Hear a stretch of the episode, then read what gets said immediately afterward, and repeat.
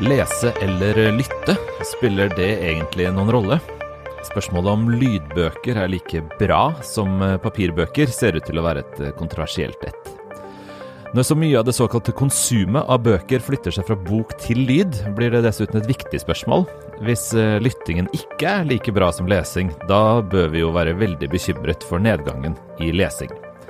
I denne episoden av Morgenbladets bokpodkast skal vi veie lytting opp mot lesing. Jeg heter Bernhard Ellefsen, jeg er bokansvarlig i avisa.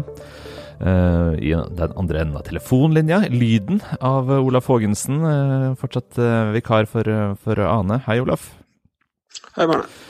Uh, ja, um, vi, vi, snakket i en tidligere jeg, jeg, tror vi sneia innom det i en tidligere episode. Uh, dette med lyd versus uh, lesing i forbindelse med strømma lydbøker som er så stort. Og da, da sa vi vel at å liksom avgjøre det spørsmålet ville kreve en hel episode. Dette er den episoden, tenkte vi. Men jeg hadde lyst til å begynne i en litt mindre tungtveiende ende, da. Uh, likevel, hva er ditt forhold til uh, lydbøker? Det er vel sparsomt, er vel egentlig det første jeg må si. Eller jeg uh, forbinder lydbøker med sånne turer i bilen som barn mm. til oppover i, innover i landet i mange timer. Uh, at, uh, så jeg kan huske å ha hørt 'Hun fra Baskerville' på kassett i en bil. Og jeg kan også huske å ha hørt noen sånne av de makabre Roald Dahl-fortellingene. Det var såpass makabre at jeg tror Nei det, var, nei, det var ikke den. Det var den der med den uh, hjernen som blir liggende i en, sånt, en, en, slags sånn glassbolle å tenke. Husker du det? Nei, det er ikke. Selv om jeg husker en PC Gjærsild-novelle, eh, eller roman, som har litt det samme susjettet. Det er sikkert mange avkroppsliggjorte hjerner i sk skrekklitteraturen. Ja. Altså, det er noe jeg forbinder litt sånn med, med, med barndommen. Uh, men ikke så veldig mye, egentlig. Og så har jeg gitt uh, et par forsøk i lignende situasjoner. Altså ikke hvor jeg sitter i baksetet, da, men at vi har liksom kjørt bil og lytta til en lydbok eller to, men uh, Det kan jeg huske, når, når, du sier det nå, så kan jeg huske at vi har prøvd det. Vi prøvd det, ja. At vi kjørte til et uh, litteraturarrangement uh, nesten på Vestlandet og hadde lang biltur og prøvde å høre på Stig Setebakken.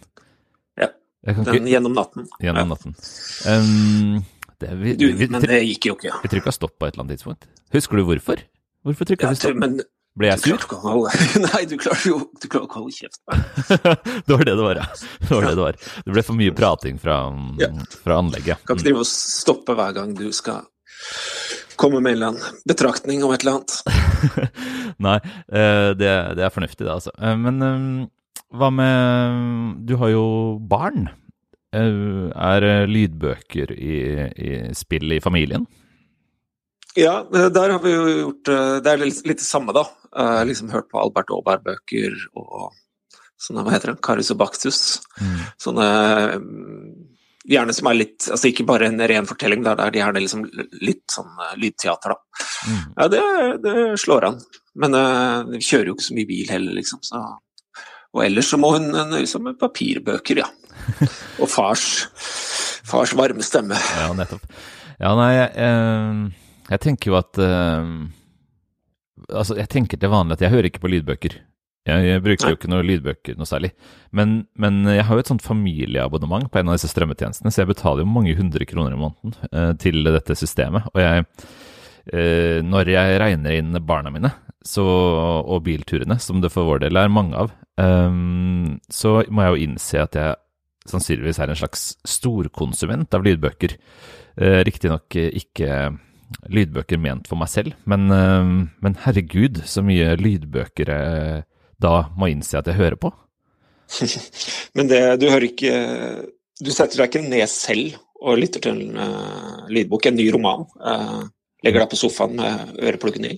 Nei, uh, overhodet ikke. Um, altså, lydbøkene med, med, barna er jo Det, har det syns jeg er fint, da. Jeg syns det er på en måte en fin form for um, underholdning, hvis vi skal kalle det det. da. Uh, det er jo ofte spenningsfortellinger eller sånn de, de hører på. Uh, nå hører de mer og mer med headset, så da hører jeg på en måte ikke hva de hører. Heldigvis, kanskje.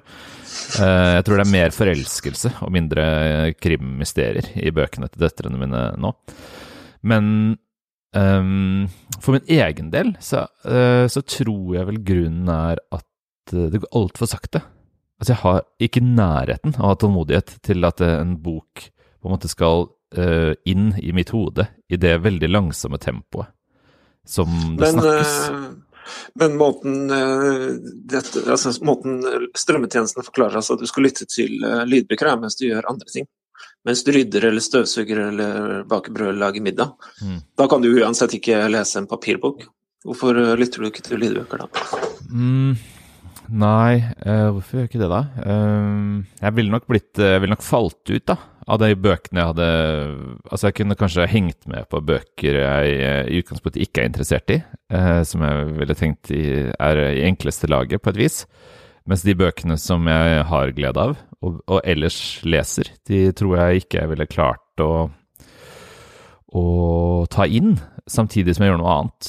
Eh, ikke at det er sånn massivt krevende at jeg sitter med Finnegans Wake hver eneste kveld av mitt liv, men, men jeg må jo liksom jobbe litt for saken, da. Uh, og ja. den lille innsatsen den er ikke helt forenlig med husarbeid, f.eks. Så hvis det skulle være noe da, så er det mer sånn radiopodkastaktig. Men jeg må innrømme også at jeg ikke gjør. Jeg tar oppvasken i stillhet, egentlig. Hva med deg? Stillhet er jo ofte Nei, jeg, uh, jeg har litt sånn trøbbel med å ha liksom folk snakkende inn i øret mitt. Altså den, den derre headset-greia og sånn, det blir jeg litt sånn Gjerne. Jeg hører ikke podkaster heller. Jeg sliter litt med radio. ok, vi, er, vi, har egentlig diskvalifisert oss for den diskusjonen vi nå skal ha, så vi får understreke at den, den er tenkt å foregå liksom på uh, ikke våre preferansers premisser. Uh, ja. Spørsmålet om lytting og lesing. Men uh, ja, da har vi altså erklært oss inkompetente for, for, det vi skal diskutere de neste 15 minuttene. Ja. men altså, spørsmålet er jo viktig av grunner som ikke har med hva du og jeg liker eller ikke liker å gjøre. Vi skriver i denne ukas avis om utviklingen i salget av papirbøker, eller fysiske bøker, i Norge, som er ganske dramatisk. Eh, I løpet av det siste tiåret så har eh, antallet eksemplarer, da snakker vi ikke om penger ned i forlagenes lommer, men altså rent uh, antall eksemplarer gått ned med 40% Og det må jo nesten være historisk i, i liksom vår tid. En sånn, en sånn stupende utvikling i boksalget. Og grunnen da til at det ikke er full panikk eh, overalt, er at eh, det, de åtte millionene um, står ved siden av et annet tall. Nesten elleve millioner lytta lydbøker, angivelig, eh, i, i, fjor. Så det kompenserer jo, hvis man tenker at det er sånn én til én. Eh, men det gjør jo spørsmålet ganske viktig. Er det én til én, rett og slett? Ja, er det det? Det foresvever meg at du uh, har gjort deg noen tanker om det? Um, ja, jeg har skrevet om det i Ukas Avis, så det foresvever deg ikke bare. Du har jo til og med lest det, men um, Men uh, ja, ja, altså, det, det, er jo interessant å se på hva slags uh, påstander og liksom empiri som sirkulerer der ute, da. og det, det, kan liksom deles opp, tror jeg, i tre sjikt. Og det ene er er liksom hjerneforskningsartiklene, eh, som det ofte henvises til. Eh, og som ofte de som heier på lydboka, kan vi vel si, eh, henviser til. Eh, gjerne i liksom sånne vendinger à la 'det spiller ingen rolle om du leser eller lytter'. Hjernen din er like fornøyd. Eh, og der syns jeg det har vært interessant å se Altså klikke på lenka i, til artiklene, rett og slett. Ja, for hva viser uh, disse gjerne forskningsrapportene eller artiklene som de gjerne vises til?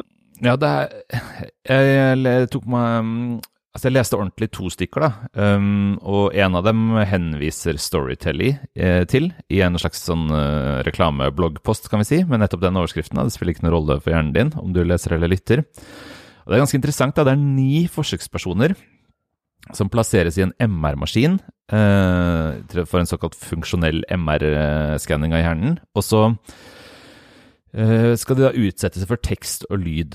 Og så oppgir artikkelen hva slags tekst og lyd det er snakk om.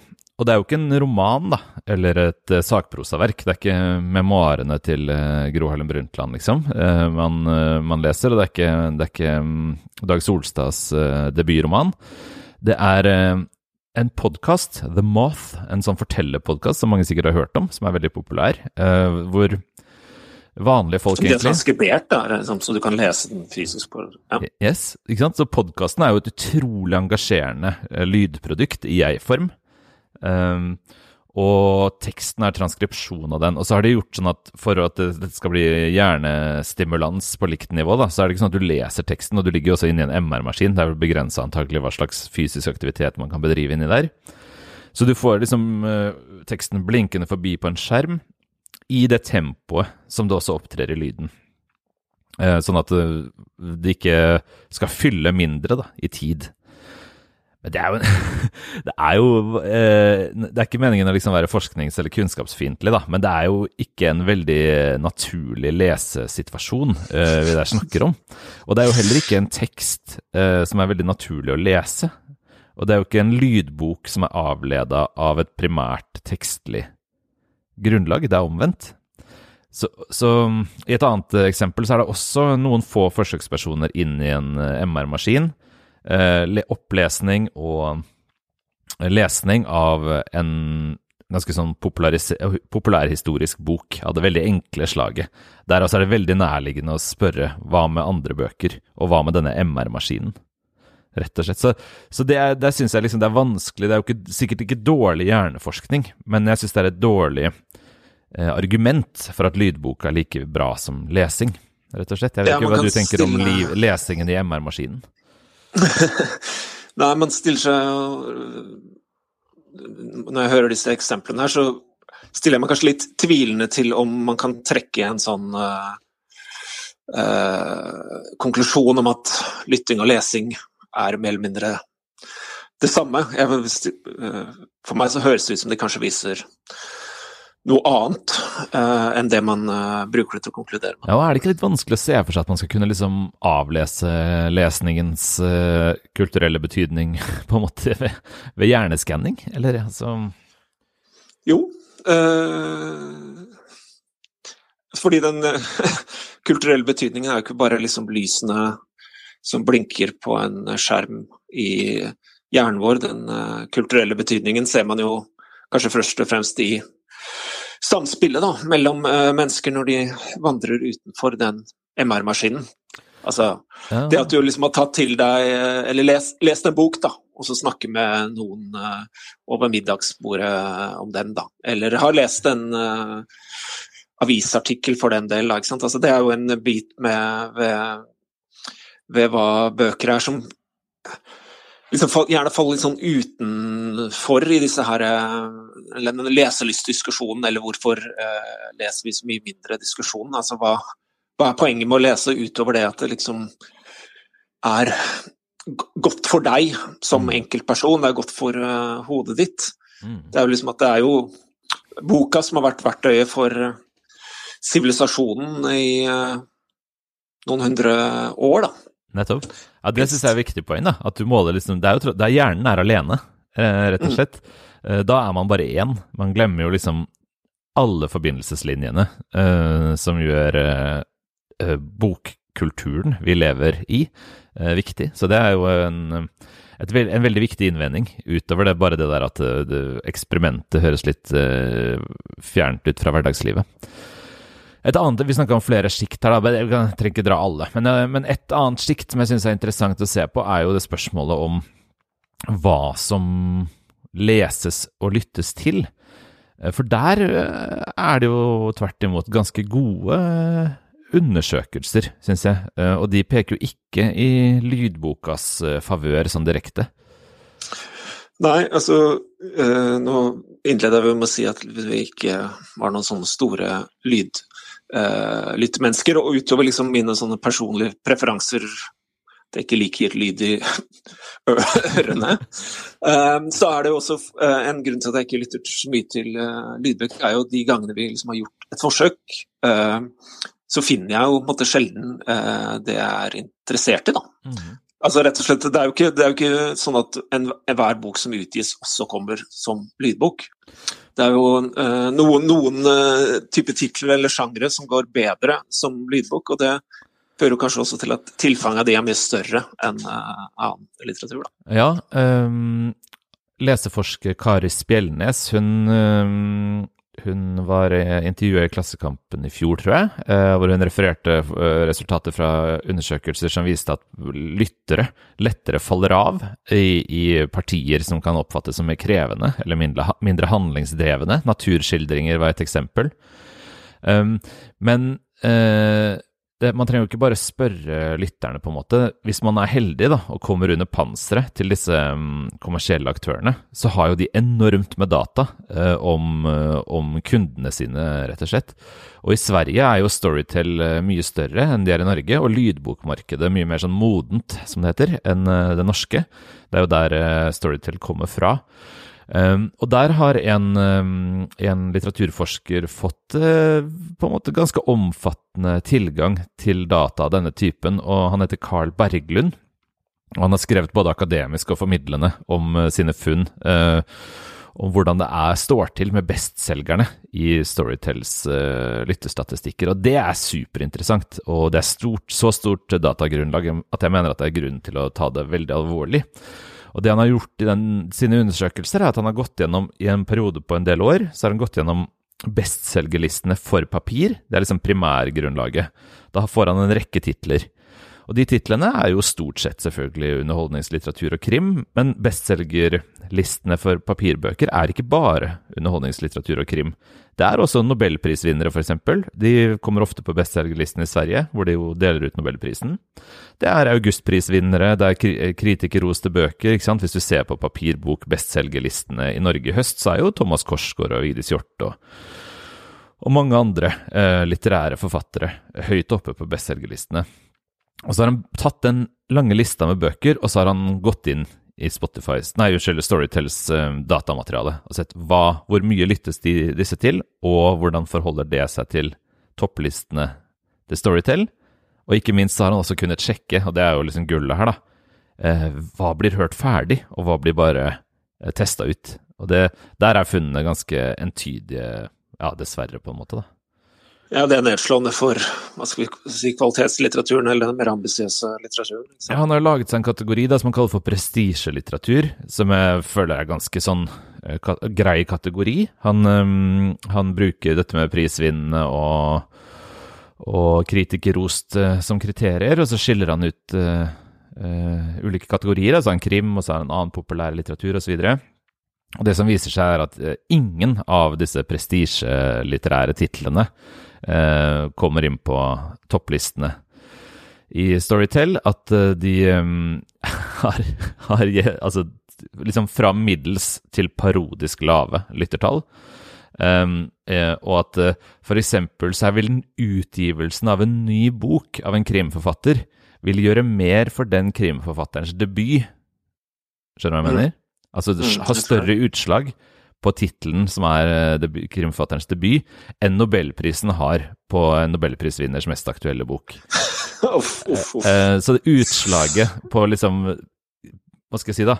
Lengst bak i backlisten til en krimforfatter er større enn nobelprisen er for eh, lyttertallene til vinneren. da. Så Sånn er det. Og, og det er også samme også på graden av gjennomlytting, hvis vi kan kalle det det så ser man at det er, er krimforfattere, uh, og det er av de mest kjente. Da. Til og med så er Jørn Lier Horst en av de topp ti, han som har lojale lyttere, kan vi si, uh, i Sverige altså. Uh, mens Olga Tokarczuk, for eksempel, 'Løperne', hennes roman som kanskje var sånn mest aktuell og mest tilgjengelig da hun vant nobelprisen, den, der er det rett og slett et fåtall som hørte igjennom som kom til slutten. Der, så der er liksom tallene ganske imponerende for en, del krimforfattere. Vi snakker om 85-80-90 liksom, gjennomlytting. Mm. Og så er vi ned på sånn noen og 30% på de. Og, så, og, den tendensen er entydig. Altså at prestisjelitteraturen mm. scorer dårligst der. Altså det tyder på at det er vanskelig å henge med, som Spjeldnes kanskje er innom i sin litt annen, annen type undersøkelse. Ja, og så antar jeg at dette også liksom spiller til uh, bake inn i strømmetjenestenes systemer. Det er vel ikke kanskje så aktuelt å lage lydbøker av ting som Det er vel derfor du ikke finner det du leter etter, sannsynligvis. Ja. Eh, og det er jo forståelig. Altså hvorfor eh, Hvis markedet er såpass eh, vridd mot én type Altså etterspørselen da, er såpass tydelig, så, så vil jo det påvirke tilbudet. Det er jo nesten utenkelig å se for seg noe annet. Nei, Så du får et ganske veldig utarma litterært eh, miljø, da. Eh, kan man se for seg på, på sikt i strømmetjenesten, altså i den litterære verdenen i strømmetjenesten. Så kan man jo nevne noen eh, forbehold, da, som, som jeg vet ikke hva du syns om dem, hvis du skal ta et par. Um, som kanskje kunne nyansere bildet litt. Jeg kan på forhånd annonsere at jeg ikke tror de nyanserer det altfor mye, men de er veldig verdt å nevne, for de kan hende jeg tar feil òg. Det ene er jo at her forutsetter vi jo liksom at lydbøkene eh, tar over, eller kannibaliserer, som det heter, eh, på papirbøkene eh, til en viss grad. Vi kan jo tenke oss at de tar over et visst sjikt, ikke sant? Mm. At det er ikke sånn Ja, at folk uh, søker den prestisjelitteraturen på papir, og så bruker de Nettopp. Uh, lydboka for krimmen. Mm. Så man har, ikke sant, hvis du, hvis du tenker deg at det er 20 millioner, da, cirka, det er ikke riktig tall, men uh, la oss anta at det er 20 millioner bøker det er snakk om i omsetning i 2012, og så i 2022, på en måte. Og det er sånn nesten riktig. Og så var alle papirbøker i det første året, og så er det sånn nesten 50-50 i det andre. Men at uh, det til sammen er sånn at det er like mye prestisjelitteratur, som Carl Berglund ville kalt det, da. Bare at den er på papir, sånn at det vi liksom kan lese ut av eh, strømmetallene er skjevt. Der har vi da Motargumentet er jo at eh, denne prestisjelitteraturens eh, salgstall på papir også har gått kraftig ned. Eh, Men det er, det er i hvert fall verdt å nevne. Det andre som kan nevnes, som jeg syns er litt interessant, eh, det er jo at eh, krimmen dominerer så voldsomt i mm, strømmetjenestene. Eh, mer, egentlig, enn på selv de mest sånn kommersielle Eller på den kommersielle siden på papir. altså Der var jo løkkeskriftromanene. Disse oversatte underholdningsromanene med liksom dramatiske historier fra fortiden. eh, Romantiske med sånn kvinne med ryggen til på coveret. De har jo vært like hva skal jeg si, bestselgende som krim nå i et par tiår, egentlig. De er det mindre av i strømmetjenesten. Det er, det er en krimdominans som ikke ligner noen ting. Eller jo, det ligner noen ting. Det ligner 1990-tallet. Da, da krim var, sto alene på underholdningstronen, liksom. Og det eh, kan jo kanskje skyldes Kan skyldes at det er en, en annen kjønnsfordeling på kundene i bokhandelen og på strømmetjenestene. Altså at det er flere menn Mm. i Men det, vet, det har ikke jeg noe tilgang på noe tall, da. Men altså du Hvis vi skal gjøre det litt mer prinsipielt og litt mindre spekulativt, så kan- er det ikke gitt at vi har den samme demografien eh, Ah. i- blant kundene i bokhandelen som i strømmetjenestene. Men så kan man kanskje også tenke seg noen sånne mer sånn mediumspesifikke forsterkende tendenser her. Altså, hvis man igjen da skal bruke liksom sine anekdotiske opplevelser. Jeg syns også det kan være liksom rett og slett vanskelig å følge med på en lydbok. ikke sant? Tankene vandrer og sånne ting. Og da er det i hvert fall uh, lettere med noe som uh, hele tiden liksom uh, driver handlingen framover, da, som, et, som er sterkt plottdrevet. Det er jo krimlitteraturen, da. ikke sant? Altså at det kommer noe som hele tiden på nytt måte, kan fange din oppmerksomhet. Så man kan jo kanskje nå vet ikke jeg, Det kan godt hende disse um, kjærlighetshistoriene også er veldig gode på å liksom turnere sitt plott og dra deg inn i kjærlighetsintrigen, da. Men uh, krimlitteraturen er i hvert fall uh, kjent for det. da. Man kan se for seg det er veldig mye lettere å gjøre, lytte til det mens du støvsu støvsuger. da. Ja, og det kan være at, eh, at um, løkkeskriftromanene, som jo henter mer fra den gamle realistiske romanen på 1800-tallet f.eks., har, har en ulempe i strømmetjenesten fordi de kan ha større persongallerier. Altså Selv om de ikke kanskje er utrolig mye mer komplekse i sin tematikk, f.eks., uh, så kan den narrative strukturen være litt mer sånn uh, ta omveier og eh, bygge på flere personer og sånn. Så det kan også være et eh, element. Men um, det, altså, til slutt, eh, hvis vi skal si noe om eh, denne diskusjonen Uh, den er jo ikke avklart, selvfølgelig. Det er, det er, ikke så lett å si det er et faktum at uh, lyttingen er, uh, er, lesingen mindreverdig, f.eks. Men jeg mener, jeg mener, i hvert fall for egen del at er, argumentene er best på, på boklesingas side. Men det er jo også noe med hvem som har interesser i denne, denne, diskusjonen, er det ikke det? Altså, det er jo ikke en nøytral diskusjon. Det er penger involvert, det er kulturpolitiske fordeler involvert. Det er liksom Det er jo ikke en helt nøytral diskusjon. Nei, altså forlagene har jo all interesse av at uh, når papirboksalget går ned og hva skal vi si, uh, lyttetallene går opp, da, at uh, lydboklytting hva skal vi si, nyter den samme kulturelle anerkjennelsen som, som papirboklesing har. Da. Altså det jeg tror, eh, når, forlagene snakker om viktigheten av lesing, så tror jeg mange av de i forlagene som sier det, eh, mener det fullt og helt av eh, personlig overbevisning og kjærlighet til skrevne ord osv. Mm. Men de har jo også en økonomisk interesse av at boka, i hvilken form som helst, beholder sin sentrale plass i kulturen, og ikke minst i Eh, altså støtteapparatene da, for eh, de statlige støtteapparatene. Ja, og, og, hvis man altså Selv om det er grunn til å tro at norske forlag eh, driver i stor grad også av entusiasme for litteratur, så er det jo helt sånn tørt betrakta, så er det jo konserner med med liksom styrer, og, og, og, til og med noen av de har aksjekurser. Altså hvis du liksom sier produktet vårt eh, tilhører fortiden, så er ikke det noe som, eh, som liksom går godt hjem i dagens uh, vekstkapitalisme. Da. Så det er jo på en måte noen grunnleggende strukturer som tyder på at uh, en viss overdrevet optimisme er noe mange har interesse av, økonomisk og, og, kulturpolitisk. Men samtidig så er vi som ikke deler de økonomiske interessene, de, jeg tror vi har interesse av å rope høyere opp uh, om at um, det ikke dette, dette, går liksom ikke så jævlig bra. Ja, og så tror jeg det kan være den uh, Den debatten som liksom går om uh, lesing, verdien av lesing osv. Der har man etter hvert liksom lest noen av både artikler og bøker om det. Og det, i de artiklene og bøkene så det som gjerne da er skrevet av folk som vil kjempe lesningens sak, da, så uh, kommer det gjerne en eh, masse argumenter for liksom, hvorfor lesing er godt. og sånn, sånn at det er man, Kunstopplevelser og osv. Så, videre. så måtte jeg prøve å formulere for meg selv hvorfor, liksom, hvor, hvor, hvorfor leser du bøker, liksom. Mm. For jeg klarte liksom ikke helt å kjenne meg igjen i disse begrunnelsene jeg fikk i disse artiklene. At det er bra for hjernen din? Ja, og liksom at det er liksom uh, uh, Det å liksom la seg rive med en fortelling og sånn, da. Men liksom, hvorfor leser du?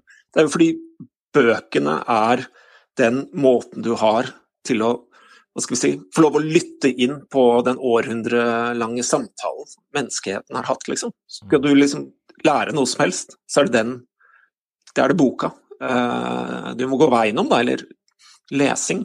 Og det du skal lese da, er gjerne bøker, da. Det er liksom din måte Hva skal vi si Hvis man skal bruke sånne Bruke tidens, uh, tidens sjargong, da. Det er jo på en måte din mulighet til å logge deg på The Matrix. Da. Ja. ja, det er bra. Og være med. Ja. Ja. Uh, ja, det deler jeg. Det er jo hvorfor leser man? Jeg har innsett med årene at jeg leser også fordi da da, da, da pauser tankekjøret. Da er, det er liksom den eneste uttrykksformen, altså kulturelle uttrykksformen, da, um, som, um, som liksom opptar hele oppmerksomheten. Da, da, kverner det ikke. Og det, det er en sånn um, følelse som bare finnes der.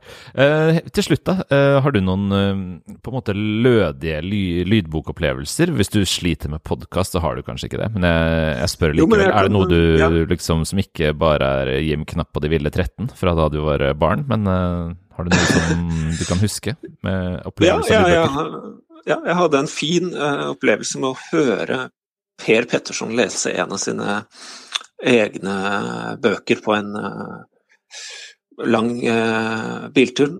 Det var vel Jeg lurer på om det var jeg forbanna tiden selv. Ja. Ja, Det syns jeg er interessant, da, for der er vi inne på noe altså Dette er jo litt mer sånn estetisk, da, eller litteraturkritisk eh, poeng. Men eh, det når forfatt, gode forfattere leser sine egne bøker, det, det kan ha noe. Mm. Eh, Der syns jeg man ja, i Akkurat i dette tilfellet så syns jeg man, man kunne Man forsto litt mer av hvordan Petterson skrev, da, rett og mm. slett. At, uh, mitt inntrykk er at skriftspråket hans da, er uh, sterkt influert av alle språket hans. Da, så du forsto ja. noe mer av rytmer og hvordan han betonte forskjellige ting. Sånn, da. Så man kunne ta med seg inn i lesingen av romanen. Jeg tror ikke jeg har hørt Knausgård eh, på lydbok, men når jeg hører han lese, så tenker jeg litt det samme. Uh, Hjort definitivt, da. Tenk på hennes egenartede måte å lese på. Men når det kommer til lydbøker, så mener jeg husker at uh, Edvard Hoem hadde Han har jo vært engasjert liksom, for forfatteres formidling av egne bøker i uh, et halvt århundre. Og han eh, hadde et lite lydbokforlag en periode, hvor, eh, hvor, han ga ut eh, forfattere som leste sine egne bøker. og Det er på en måte ikke så lenge siden, 10-15 år siden kanskje. Og der ga han bl.a. ut Dag Solstad leser Are Lastnes. Det, det, var rett og slett et kunstverk, eh, intet mindre. Og det også minner meg på en det som nok er min favorittlydbok, Mossa er um, Solstad, hvor han også leser selv, men det tror jeg ikke var utgitt av HMs uh, forlag. Gymnaslærer Pedersen. Gymnaslærer Pedersen. Mm -hmm. Der, altså, eh, Gymnaslærerens utskjelling av norsk ungdom anno 1980, det har vært en nachspiel-klassiker, altså. Bare sett i, Jeg har CD-en her, den kan bare settes i, spole til riktig øyeblikk og la, la gymnaslæreren skjelle ut uh, norsk ungdom anno 1980 i sine blazere. Eh, boblejakker kalte de det, men det var blazere. Det, det, gjør nesten hele lydbokmediet verdt eh, pengene. Ja, eh, i denne ukens utgave av Morgenbladet har vi altså et uh, stort bokekstra. Veldig mange anmeldelser, eh, et flott essay som vi må anbefale av Kjartan Fløgstad, som skriver om Thomas Korsgaard. Vi har også sakene vi har omtalt her, med mm, utviklingen i papirboksalget og spørsmålet om lydboka, eh, veier eh, opp. Alt dette kan også leses på morgenbladet.no, eh, hvor vi håper du kan, vil abonnere på avisa. Kan også nevne at vi har et slags månedlig nyhetsbrev fra, fra og med i høst, hvor vi oppsummerer de eh, beste eller mest interessante eh, bøkene vi har anmeldt. Det kan man eh, abonnere på på nettsidene. Og så snakkes vi igjen neste uke, Olaf. Takk for praten. Selv takk.